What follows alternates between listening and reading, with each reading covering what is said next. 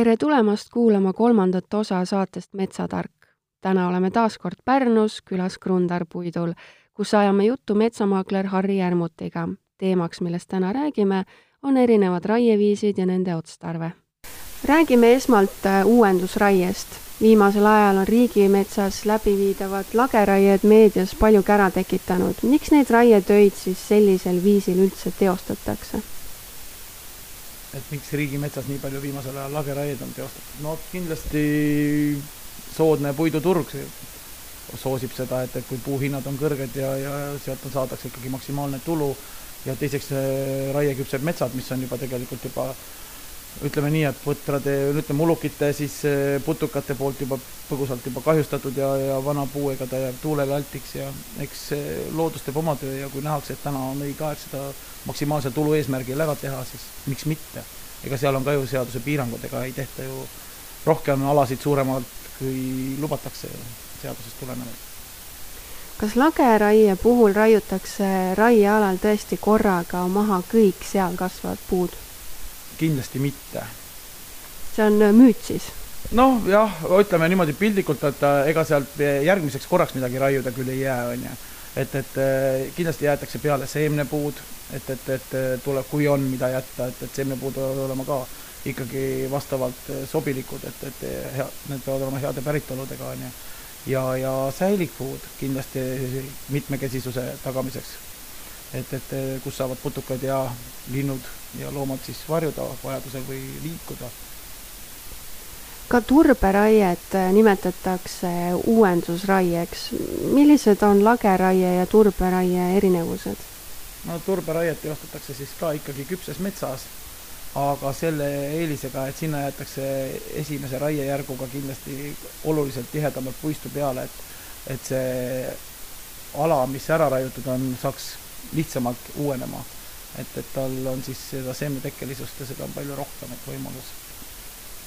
et, et, et seal lageraidest jääb ikka asi kaugele, et, et nüüd olenevalt vastavalt täiusele, et, et siis kas tehakse see turberaie ühe võttega või kahe võttega siis, või vabandust, kahe võttega või kolme võttega. milline on äh, säilikpuude otstarve raiesmikul? No nagu ma enne mainisin, et, et nende otstarve ongi siis, et elu mitmekesisuse tagamine, et, et, et, et saavad putukad seal lennelda, linnud varjuda tuulte, vihmade eest, loomad samamoodi, et, et, et säilikud, need oleks mõistlik alati jätta kuskile rühmadena, et, et kas need on alati nii-öelda kohustuslikud või pigem soovituslik? jaa, lageraie hektari kohta viis tihumeetrit on kohustuslik seemnepuud jäetakse kasvama raielangi seemendamise eesmärgil, aga milliseid puid selleks välja valitakse ja kui palju neid kasvama peaks jätma, et seemendamine efektiivne oleks? Jah, kuidas neid välja valitakse, eks ikkagi oma selle heade päritolude pärast, et, et kui nad on sirged ja sihvakad ja, ja ühtlase, ühtlase ilusa võraga, et et, et, et, et neid jäetakse siis niisugune paarkümmend tükki hektari kohta või, või siis kui lageraiealad lähevad suureks, siis on seadusest tulenevalt ka äh, kahekordistada see arv, on ju. aga et, et äh, efektiivne oleks, noh, praktikas näitab, et, et kaske nii palju ei peaks jätma, aga männi puhul on jälle teistpidi, et, et mänd, kuna tema seeme on raske ja kukub oma praktiliselt oma võra alla, et, et siis mändi nagu tasuks tihedamalt jätta. aga kase puhul see levik on, kus kask ei ole, isegi sinna tuleb kask aga kes need puud siis äh, välja valib? noh, kas siis metsameister, kinnistu omanik ise või metsameister ja, ja, ja, ja kogenud masinistki näeb selle ära, et kui ta järjest teeb, et esialgu jätan selle puu püsti, vaatan, näed selle ka ja ja, ja siis, kui lähen edasi, siis lõpuks saab ju alati vähemaks saab ikka võtta. aga juurde neid ei pane kuskile enam. millised on teie arvates äh, uuendusraie head ja vead äh, ökoloogilisest vaatepunktist lähtudes? No kindlasti peale uuendusraie tegemist äh, elukeskkond muutub seal totaalselt, et, et äh, esialgu ju lähevad sealt ära linnud, nii palju, kui neid seal oli sel hetkel, äh, loomad, aga see on ajutine, kuna seal hakkavad kohe vohama uuesti ju. Eritaimestik, hakkavad tulema marjud, marjad, seened, põõsad tekivad, tulevad liblikad, linnud, tulevad jälle loomad tagasi, et, et, et eks sealt hakkab see uus eluring pihta uuesti jälle ja, ja, ja ega meie linnud ju valdavalt ongi ju põõsaslinnud, ega need suured, suured kullid asjad, need, neid on ju vähe, et, et kellest me täna räägime palju, on need värvulised või väiksed sulelised, kes pesitsevadki ju põõsastes. ja nendele on need, mõne aastaga on need väga sobilikud elutingimused seal, meil on putukad, marjad, kõik asjad olemas. Mis saab lageraie järgsest raiesmikust, kui metsaomanik ise selle uuenemisele kuidagi kaasa ei aita? noh, kindlasti on asukohti, kus tegelikult eh, ka päris mitmeid aastaid hiljem ei ole tekkinud liitunud metsa peale. kuigi jah, neid nii väga palju meil ei ole, et, et meil on suht rammusad maad igal pool, et kui ei tule seemnetekkelisest, on niiskemad pinnased ajavad üles sanglepp ja, ja kask ajavad kännuvõsust üles.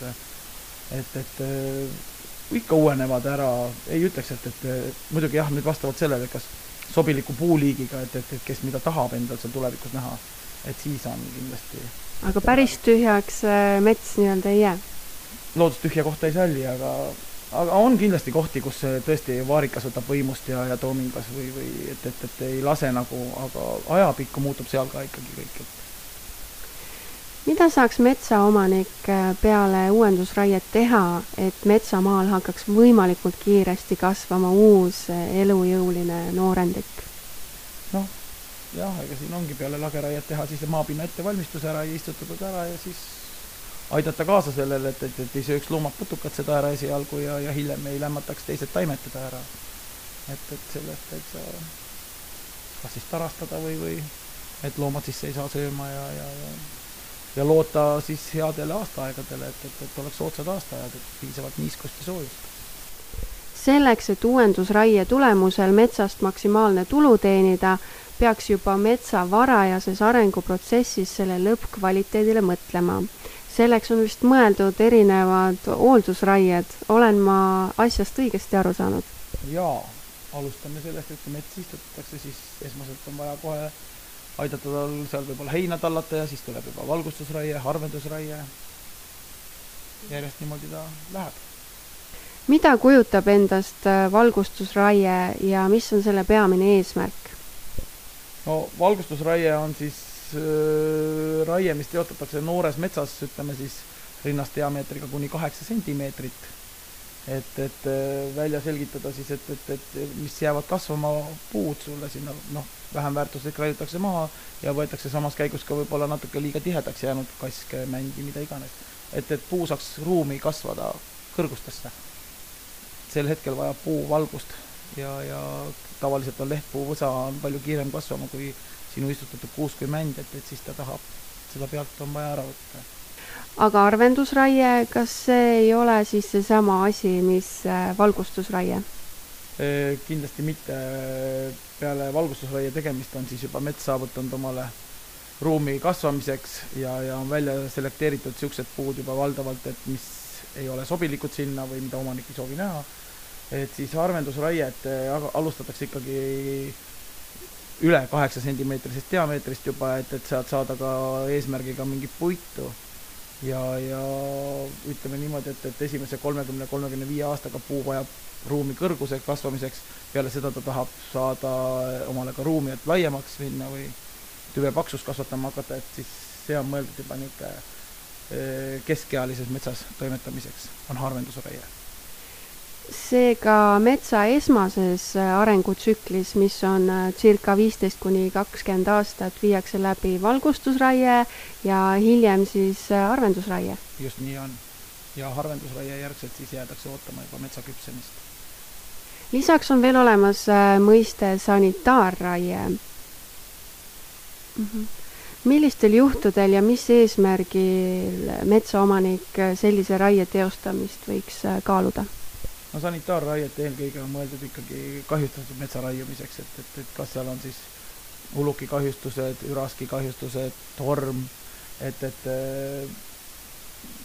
see on metsaomanikul jah, ta on natukene, on minu jaoks natuke keeruline seadus, kuna kui sul on metsas sees puistu, mis on kahjustatud, on sul siis põdrakahjustatud kuused seal või on sul pikali heidetud, heidetud teised puuliigid et, et eh, nendele ligipääs, sanitaarraie seda väga ei võimalda, on ju, et, et noh, kokkuvõtteid ei tohi seal teha, aga noh, loomulikult on igal medalil on kaks külge, et siin ka ikkagi mõistvat suhtumist, et siis, et see puu kätte saadakse, võetakse vajadusel ikkagi eest ka eluterve puistu ära.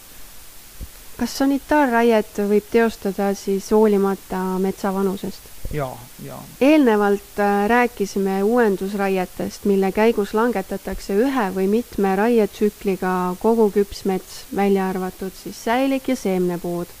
metsaomanik soovib aga tihtilugu, et tema köögiaknast paistev mets oleks silmale kaunis vaadata, kuid sealjuures ka mõõdukas tuluallikas kas valikraiete teostamine aitaks tal seda eesmärki saavutada?